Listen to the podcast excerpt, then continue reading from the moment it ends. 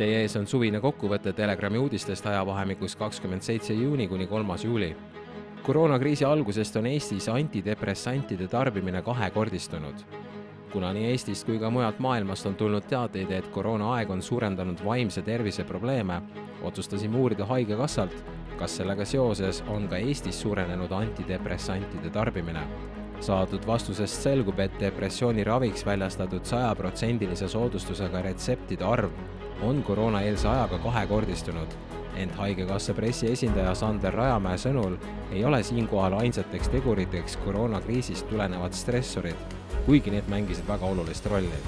seega, koroonakriis ei olnud kasulik ainult vaktsiinide, vaid ka antidepressantide müüjatele.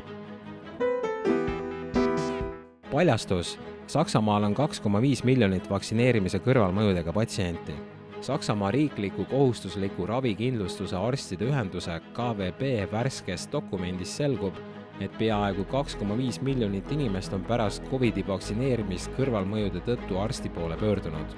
see arv on üsna erinev massvaktsineerimist pooldava Paul Ehrlichi instituudi ohutusaruandest, milles kolmekümne esimese detsembri seisuga registreeriti Covidi vaktsineerimise järgseid jutumärkides kõrvaltoimekahtlusi täpselt kümme korda vähem. Uuring tõestab Pfizeri süsti negatiivset mõju meeste viljakusele. Iisraeli praegu veel eelretsenseerimata uuring kinnitab veel üht jutumärkides vandenõuteooriat. Vaktsineerimiseelsetest ja järgsetest spermaproovidest kogutud andmed näitavad, et sperma kontsentratsioon väheneb pärast Pfizeri süstimist oluliselt kui nüüd siia kõrvale panna uudis, et sündimus näib olevat alates massvaktsineerimise algusest sügavas langustrendis, siis on näha, et süstimine mõjutas ka naiste viljakust. nimelt nähtub Saksamaa ametlikest andmetest, et mida rohkem fertiilses eas naisi vaktsineeriti, seda vähem jäi naisi rasedaks või õnnestus last sünnini hoida tuletame meelde, et ka Eestis on sündimusega seoses just pärast massvaktsineerimise kampaaniat toimunud üks kurb anomaalia pikka aega langustrendis olnud imiksurmade arv kasvas kahe tuhande kahekümne esimesel aastal endiselt üheksateistkümnelt kahekümne üheksale.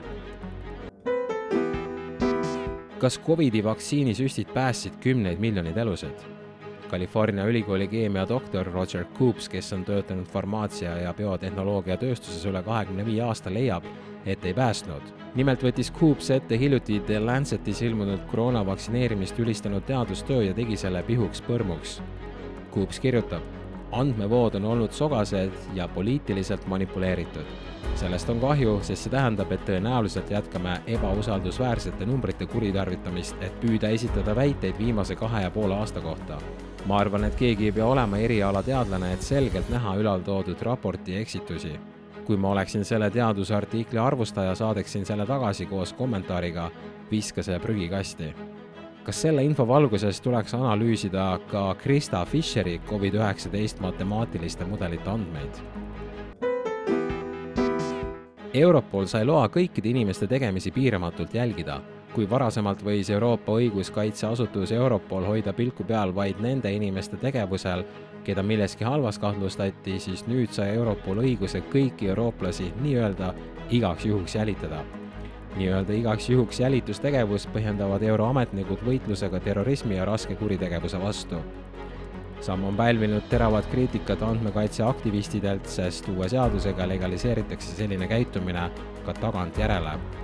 Uuele regulatsioonile aitasid Europarlamendis oma jah-häälega kaasa ka Eesti saadikud Andrus Ansip, Jaak Madisson, Riho Terras, Yana Toom ja Sven Mikser seega nii Reformierakond, EKRE, Isamaa, Keskerakond kui ka sotsid aitavad jälgimisühiskonna koju kätte tuua. Need olid Telegrami uudised möödunud nädalast. tule kapist välja ka sina, me kõik teame, et see on hauks